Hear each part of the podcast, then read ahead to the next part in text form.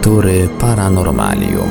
Dziś w lekturach Paranormalium sięgniemy po jedną z książek Lucjana Znicza z cyklu Goście z kosmosu, a mianowicie Katastrofa tunguska, Trójkąt Bermudzki, Obce ślady.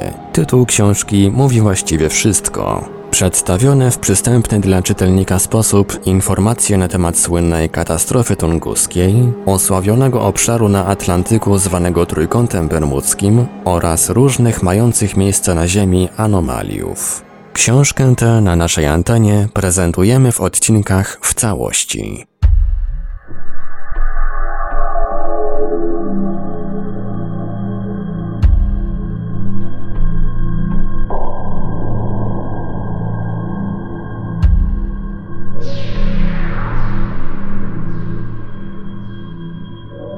Pływająca, drgająca, pulsująca opoka.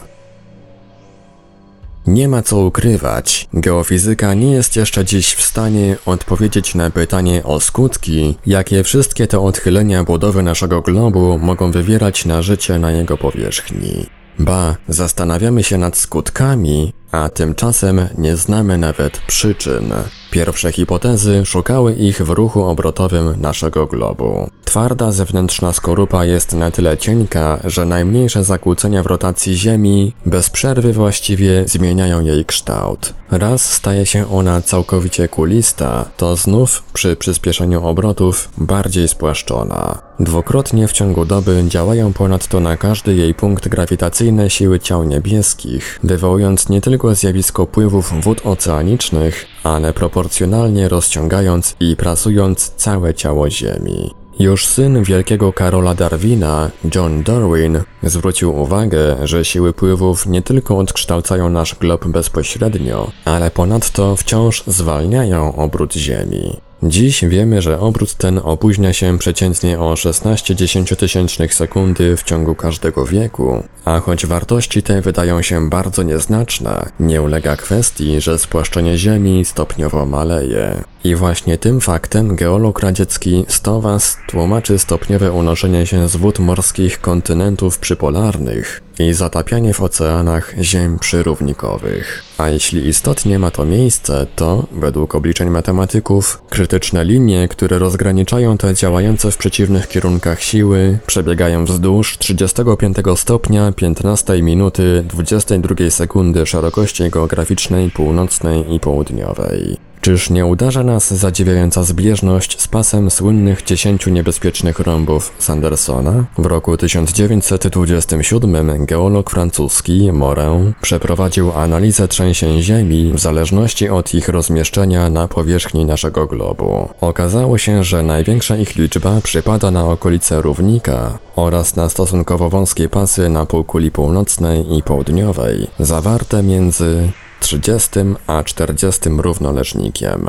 Wystarczy wymienić na półkuli północnej San Francisco, Lizbonę, Sycylię, Kalabrię, Irak, Tokio, a na półkuli południowej Koncepcją w Chile, Alpy australijskie, Nową Zelandię czy wulkaniczne wyspy Tristan da Cunha by mieć właściwie niemal całą najnowszą historię największych kataklizmów geologicznych świata. Właśnie w tych dwóch niespokojnych pasach i na równiku Ziemia, według Morin, w wyniku stopniowego zwalniania obrotów, jakby szczególnie chudnie. A wymieniany już Stowas nawet obliczył, o ile wymiary Ziemi zmieniły się w ciągu ostatnich 300 milionów lat, a więc od karbonu. Średnica równika według niego zmniejszyła się w tym czasie o 6 km, podczas gdy oś Ziemi, a więc jej średnica między biegunami, wzrosła aż o 12 km. Stowas zwraca uwagę jednak na jeszcze jeden charakterystyczny fakt. Wszystkie znane nam ciała niebieskie, nieposiadające twardej skorupy, Słońce, Jowisz, Saturn, obracają się wokół swej osi niejednakowo, zawsze najszybciej na równiku, najwolniej zaś na biegunach. Najbardziej wyraźną granicą pomiędzy zmianą prędkości obrotu poszczególnych partii tych ciał jest znów okolica 35 równoleżnika z obu stron równika. Tutaj właśnie między innymi najwcześniej się rodzą i najpóźniej zanikają plamy słoneczne. Stosunkowo niewielka i otoczona twardą skorupą Ziemia nie ulega wprawdzie tak wielkim wpływom ruchu obrotowego jak wymienione olbrzymy, ale atmosfera jej na tych właśnie szerokościach również doznaje największych zakłóceń, słynne ryczące czterdziestki, a według Szardeckiego, Rewela czy Munka także powolne obroty bloków kontynentalnych ogniskują się głównie w pobliżu obu tych szerokości geograficznych. Zresztą, żeby już powiedzieć wszystko do końca, w ciągu ostatnich 15 lat niektórzy geofizycy nie tylko stwierdzili powolne obracanie się i pływanie bloków kontynentów, tak zwanego sialu, czyli płyt utworzonych głównie z krzemu, Si i glinu, Al na bardziej plastycznej od nich powierzchni dna Oceanu Światowego. Tak simy, czyli warstwy, w której budowie decydującą rolę odgrywają dwa pierwiastki, krzem Si i magnes Mg, ale wręcz stopniowe i nieustanne rozszerzanie się powierzchni tego dna. Jako dowód tej hipotezy służyć mają długie łańcuchy podmorskich gór, które nieprzerwaną wstęgą opasują cały nasz glob. Otóż badania pobranych z nich próbek wykazały ich nieprawdopodobną wręcz młodość. Przy ocenianym na co najmniej 5 miliardów lat wieku naszego globu, skały te tworzące podwodne góry liczą zaledwie 200 milionów lat. Nic dziwnego, że w tej sytuacji geolog radziecki Blinow wysunął hipotezę, iż wszystkie oceany świata powstały dopiero w tym tak niedawnym okresie i rozwijają się dalej właśnie dzięki pęknięciom skorupy ziemskiej pod dnami oceanów, i stopniowemu wyciskaniu przez nie bardziej plastycznej substancji z głębi Ziemi, nie tylko tworzącej w oceanach wysokie blizny łańcuchów górskich, ale i stopniowo rozpływającej się po nich na obie strony. Proces ten obejmuje wszystkie oceany świata, z tym, że według Blinowa dno Pacyfiku rozrasta się 2 do 3 razy szybciej niż dno Atlantyku. Wynikałoby z tego, że zaledwie w ciągu ostatnich 200 milionów lat Ziemia nasza zwiększyła swą objętość niemal dwukrotnie. Ale jak to się wobec tego skończy? Aby jakoś z honorem wybrnąć z tak ciężkiej sytuacji, olbrzymie grono geofizyków już 10 lat temu zgodziło się na teorię nazwaną nową globalną tektoniką, albo tektoniką płyt litosfery, zakładającą niezmienność objętości Ziemi. To prawda, twierdzą stronnicy tej teorii, że w pewnych punktach Ziemia gwałtownie się rozszerza, ale za to w innych równie gwałtownie się kurczy. I to, co niektórzy uważają za dowody jej niepohamowanego tycia, w istocie jest tylko jakby zmianą fałdów otaczającego ją płaszcza. Przeciwko temu wystąpiła jednak inna grupa geofizyków, już w roku 1933 Becher, w roku 1940 Obruczew i Usow, a ostatnio w roku 1977 wykładowca Uniwersytetu Łomonosowa w Moskwie Miłanowski, która doszła do wniosku, że objętość Ziemi wcale jednak nie jest stała. Badania tektoników Kunina i Sardonnikowa wykazały istnienie w historii Ziemi co najmniej 13 szczególnie aktywnych cykli tektonicznych, trwających przeciętnie po 40-45 milionów lat. Każdy z tych cykli oddzielony jest od następnego epoką względnego spokoju tektonicznego. Równocześnie oceanologowie stwierdzili podobną ilość regresji i transgresji, zmniejszania się i powiększania powierzchni światowego oceanu. Rzecz szczególna, cykle aktywności tektonicznej zawsze zgadzają się z regresją, zaś epoki spokoju tektonicznego z transgresją naszych ziemskich wód. Czyż nie jest to ważki dowód, że Ziemia ani nie zachowuje stałej objętości, ani nie powiększa jej nieustannie, tylko cyklicznie ją zmienia, wciąż i nieustannie pulsując?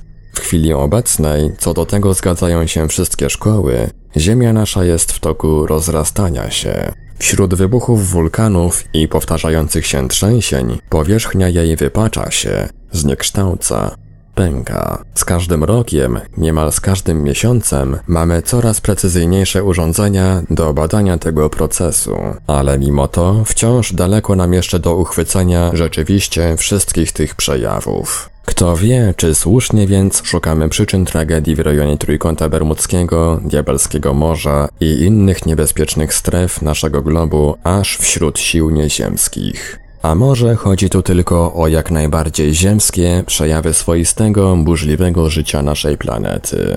Ale jeśli tak, to czy nie czas wreszcie zrezygnować z tworzenia coraz to nowych, bardziej lub mniej udanych hipotez i zabrać się solidnie do badania realnych, a przecież wciąż jeszcze mało zbadanych faktów?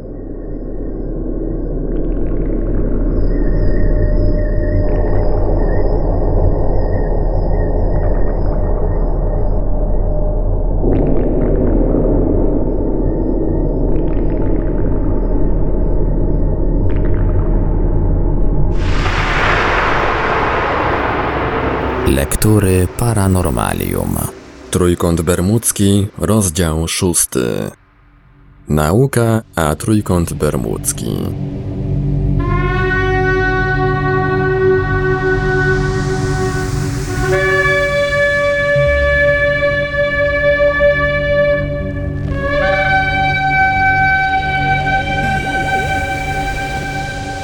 Trójkąt Bermudzki z lotu ptaka.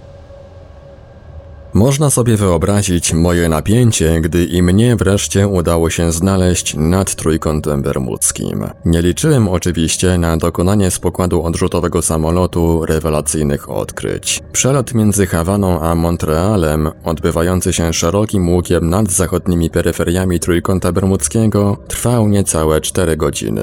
Jeszcze mniej miałem nadziei, że samolot, na którym lecę, spotka jakaś niesamowita przygoda. Ale przecież siedziałem przy okienku potężnego iła i z napięciem patrzyłem w dół. Wody trójkąta bermudzkiego były pode mną. Niestety, wszystkich oczekujących na niezwykłe opowieści muszę rozczarować. Dla pewności przeleciałem nad tym zakazanym akwenem nawet dwukrotnie. Pierwszy raz 12 listopada 1978 roku w nocy, drugi zaś 14 dni później w dzień.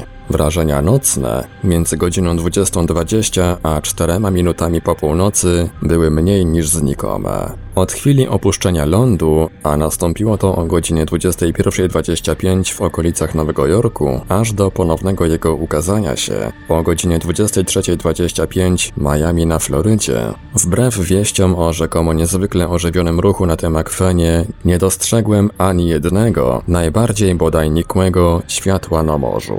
Może jednak, jeśli istotnie ten ruch jest tak intensywny, marynarze starają się przez posiadające tak złą sławę wody przepływać tylko dniem. Istotnie, gdy po dwóch tygodniach przelatywałem nad tym akwenem w ciągu dnia, mogłem zauważyć statki, kutry i jachty płynące zarówno w stronę Stanów Zjednoczonych, jak i ku szerokim wodom Atlantyku. Ale nie statki były najbardziej interesujące, tylko same barwy wód. Oto wyciąg z dziennika, albo raczej godzinnika przelotu nad tymi wodami. 12.02. Start w Hawanie. 12.12.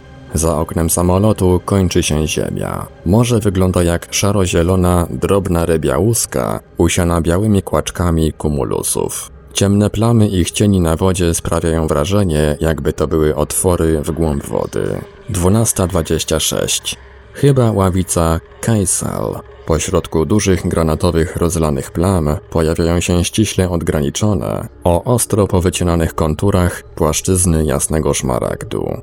12.36. Na morzu pojawiają się dziwne, jasne, długie chyba na kilka kilometrów pasy. Czyżby to były te jasne wody interesujące kosmonautów? Morze ma tu raczej jednolity kolor ciemnego szmaragdu, miejscami stopniowo przechodzącego nawet w granat. Pasy są koloru bardzo jasnego seledynu. Z reguły zaczynają się ostro odciętym konturem od wschodu i ciągną się długą, wąską, potem stopniowo rozlewającą się wstęgą w kierunku południowo-zachodnim, by w końcu zagiąć się na południe, a czasem aż na południowy wschód i całkowicie rozmazać w szafirze morza. 12.40 Morze znów zmienia kolor. Barwa jego przypomina teraz transparentny saledyn, na którego tle wędrują granatowo-fioletowe cienie po kumulusach.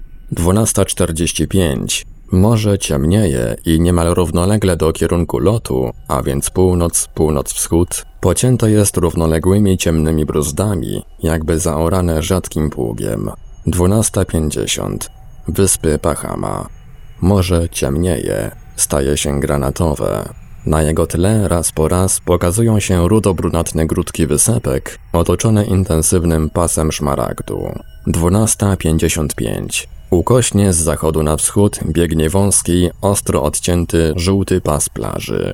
za nim brunatno-zielonkawa wyspa, która od strony północnej nie ma już wyraźnych konturów. Rozlewa się ona stopniowo w dużym obszarze żółto-seledynowych pasów i różnorakich plam, płycizny, wysepki, mierzeja. 13.02 Morze znów przybiera kolor coraz bardziej ciemniejącego szmaragdu, na którego tle ponownie pojawiają się ustawione na ukos wobec trasy samolotu, a więc w kierunku północny wschód, południowy zachód, długie, rozpływające się stopniowo pasy jasnego seledynu. Kumulusów coraz więcej. 13.28. Widzialność zaczyna utrudniać stopniowo gęstniejąca mgła. 14.05. To już nie jest mgła, jednolita warstwa stratusów.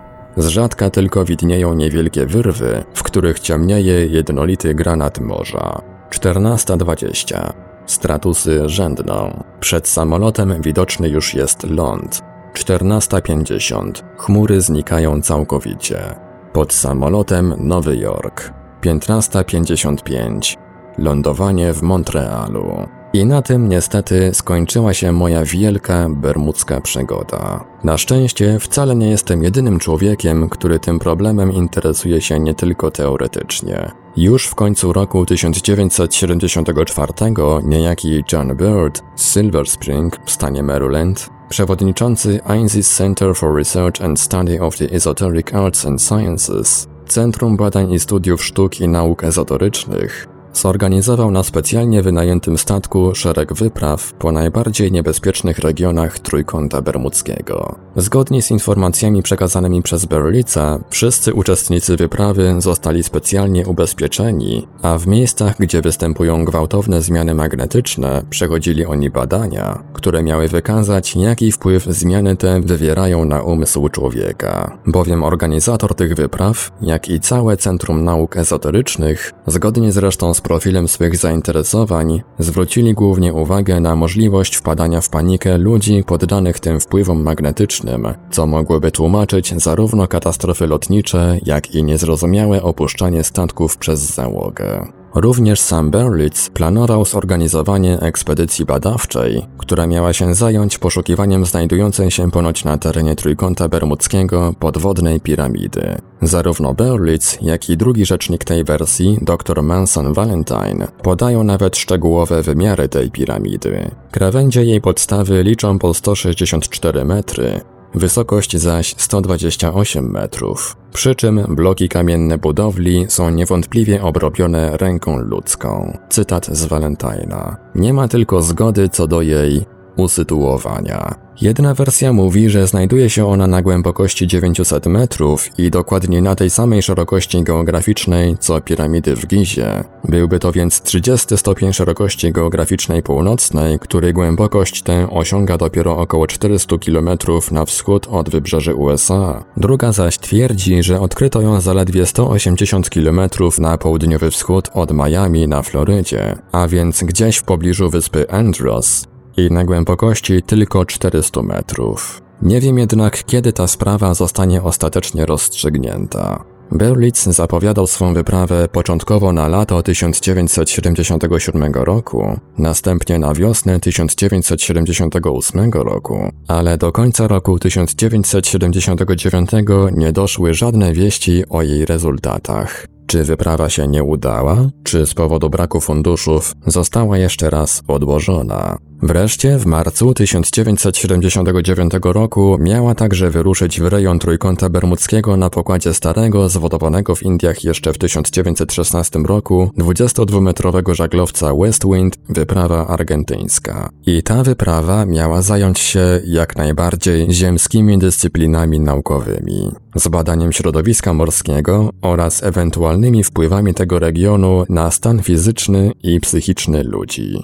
Oczywiście badania wpływu magnetyzmu na umysł człowieka, jak i poszukiwanie na dnie morskim zbudowanych rękami ludzkimi piramid nie należą do najbardziej preferowanych zajęć naukowych. Ale przecież badania te nie dotyczą wcale działającej na naukowców jak przysłowiowa czerwona płachta na byka ingerencji kosmitów. Czy więc w tej sytuacji, kiedy naukowcy naukowcom przeprowadzającym je nie grozi kompromitacja interesowania się kosmitami, nie powinny zająć się tym regionem tak liczne, posiadające przecież bardziej fachowe kadry, nowoczesny i wyspecjalizowany sprzęt, a wreszcie wielekroć zasobniejsze fundusze, instytucje naukowe?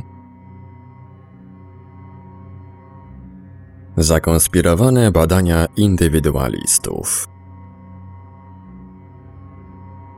Niestety, tak zwana nauka oficjalna, instytucjonalna, normalna, czy jak ją tam jeszcze nazwiemy, wciąż nie zdecydowała się tego podjąć. I nic dziwnego. Nauka normalna, definiuje ją Zbigniew Blania-Bolnar, najwyraźniej dostrzegalna jest w podręcznikach, gdzie prezentuje się trwały dorobek oraz przykłady potwierdzające wszystko to, co zostało przez większość, a przynajmniej przez duże grupy uczonych, zaaprobowane jako prawdziwe. Nauka tak pojęta nie jest więc działalnością poszczególnych, ekscentrycznych indywidualistów, lecz wykazuje charakter ponadjednostkowy. Liczy się bowiem intersubiektywna zgodność. Cytuję za maszynopisem przygotowywanej do druku pracy o stosunku nauki do problematyki UFO. Ale przecież mimo tej głównej linii nauki lekceważącej bądź nawet grożącej bojkotem ekscentrycznym indywidualistom, w pewnych wypadkach nie udaje się ich powstrzymać przed zapuszczeniem się pod jakimkolwiek pretekstem na ten nieuznawany, czasem wręcz zakazany teren. Tajemnice są po to, aby je badać. A jakąż można wyszukać bardziej nadającą się do badania tajemnicę niż właśnie trójkąt bermudzki. Dlatego też, gdy się uważnie przejrzy stosy corocznie ukazującej się prasy naukowej, zawsze uda się znaleźć zmyślnie ukryte w różnego rodzaju programach, eksperymentach i ekspedycjach nauki normalnej, mniej lub bardziej wnikliwe badania rejonu Trójkąta Bermudzkiego. Oto w roku 1963 szereg naukowych instytucji amerykańskich postanowiło zbadać Golfstrom. Do tego celu użyto dryfującej łodzi głębinowej kierowanej przez J. Picarda. Na łodzi tej zanurzonej w płynącym prądzie czy to przypadek, że Golfstrom tworzy się gdzieś w Zatoce Meksykańskiej i płynie poprzez Trójkąt Bermudzki? Miano wyjątkową okazję przeprowadzenia nie tylko badań fizycznych, temperatury, głębokości, prędkości prądu, ale i obserwacji biologicznych. Zgodnie z wynikami wyprawy w rejonie Trójkąta Bermudzkiego na głębokości od 100 do 700 metrów stwierdzono uderzająco ubogie życie organiczne. Przyczyny pozostały nieznane. Kilka lat później amerykańska marynarka wojenna przeprowadziła pod kryptonimem Project Magnet szerokie badania pól i anomalii magnetycznych wzdłuż całych wschodnich wybrzeży Stanów Zjednoczonych, obejmujących, czy to znów przypadek, zachodnie pogranicze Trójkąta Bermudzkiego. Podobno chodziło m.in. o sprawdzenie wpływu potencjalnych zakłóceń magnetycznych, a nawet grawitacyjnych, na funkcjonowanie i bezpieczeństwo dobijających do Stanów Zjednoczonych statków. Wyniki, jak przeważnie bywa z badaniami wojskowymi, nie zostały ujawnione. W październiku 1975 roku w północnej części Zatoki Meksykańskiej 27 stopień szerokości geograficznej północnej i 91 stopień długości geograficznej zachodniej, a więc znów niedaleko od granic Trójkąta Bermudzkiego, amerykański statek badawczy Geyer odkrył niezwykłą głębinę morską zajmującą obszar 400 km2 i sięgającą w głąb do 2400 metrów. Badania ponowione w roku 1978 wykazały, że na głębokości 2200 metrów przebiega wyraźna granica pomiędzy wodami podmorskiej kotliny. Woda zalegająca jej dno pod względem temperatury, zasolenia, a także zawartości fosforu, krzemu i nitratów jest niemal identyczna z wodą Morza Czerwonego. Wymienić również trzeba podróże amerykańskiego statku badawczego z międzynarodową załogą złożoną z naukowców USA, ZSRR, Francji, RFN, Japonii i Wielkiej Brytanii Global Challenger. Statek ten, przystosowany specjalnie do prowadzenia głębokich wierceń podwodnych, od wielu już lat kursuje po wszystkich oceanach świata. W toku podróży badawczych w ramach międzynarodowego programu IPOD zrealizował już bez mała pół tysiąca wierceń. Biorąc więc pod uwagę ogólną powierzchnię wód na naszym globie, wypada przeciętnie jeden podmorski szyb na około 730 tysięcy kilometrów kwadratowych powierzchni wód, czyli na obszar niemal dwukrotnie większy od Bałtyku. Tymczasem na mikroskopijnym przecież wobec tych wielkości akwenie Trójkąta Bermudzkiego w toku pięćdziesięciu kilku rejsów przeprowadzono aż 12 wierceń. Czyżby znów przypadek?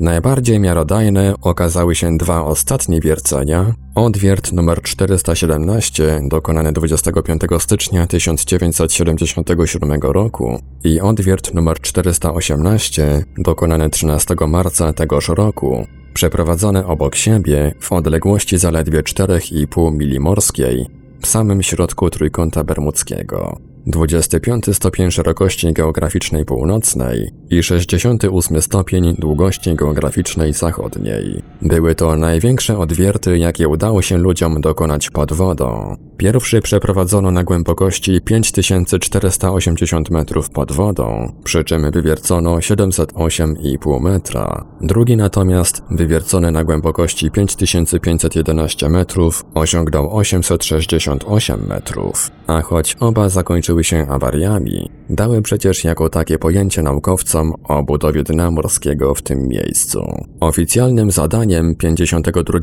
i 53 rejsu Glomara Podczas których wywiercono właśnie szyby nr 417 i 418, było zbadanie przyczyn zarejestrowanej w tym miejscu właśnie, jak to mówi oficjalne sprawozdanie, jednej z najsilniejszych anomalii magnetycznych odkrytych dotychczas na obszarze Oceanu Światowego. Szczegółowe badania rdzeni obu odwiertów wykazały, że w miejscu tym dno morskie tworzą skały bazaltowe, których budowa i kształt wyraźnie mówią, iż są one skutkiem krótkotrwałego, jak na stosunki geologiczne, bo obliczonego na 250 tysięcy lat podmorskiego wybuchu.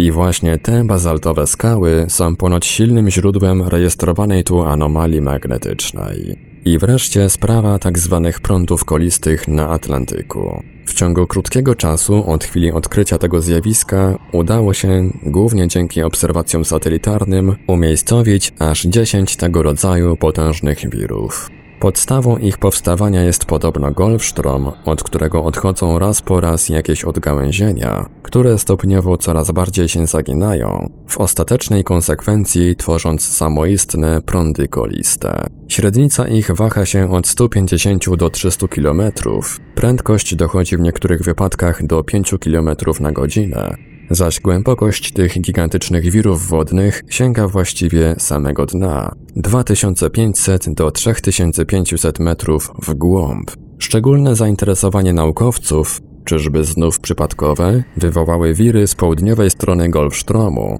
które obracają się wokół zimnych jąder wodnych. Obejmują zaś m.in. ciepłe wody Morza Sargasowego. Czy nie czas wreszcie skończyć z tym mniej lub bardziej udanym kamuflażem i otwarcie przyznać, że nie tylko zwykłych śmiertelników, ale także naukowców trójkąt bermudzki zaczyna coraz bardziej fascynować? A nawet więcej, czy nie czas wreszcie skończyć z oderwanymi, fragmentarycznymi i nie zawsze uzupełniającymi się wzajemnie, przeprowadzanymi w różnych ekspedycjach i przez różnych naukowców badaniami i przekształcić je w jeden zwarty i kompleksowy program, który pozwoliłby ostatecznie w sposób naukowy wyjaśnić wciąż kłębiące się wokół trójkąta bermudzkiego tajemnice.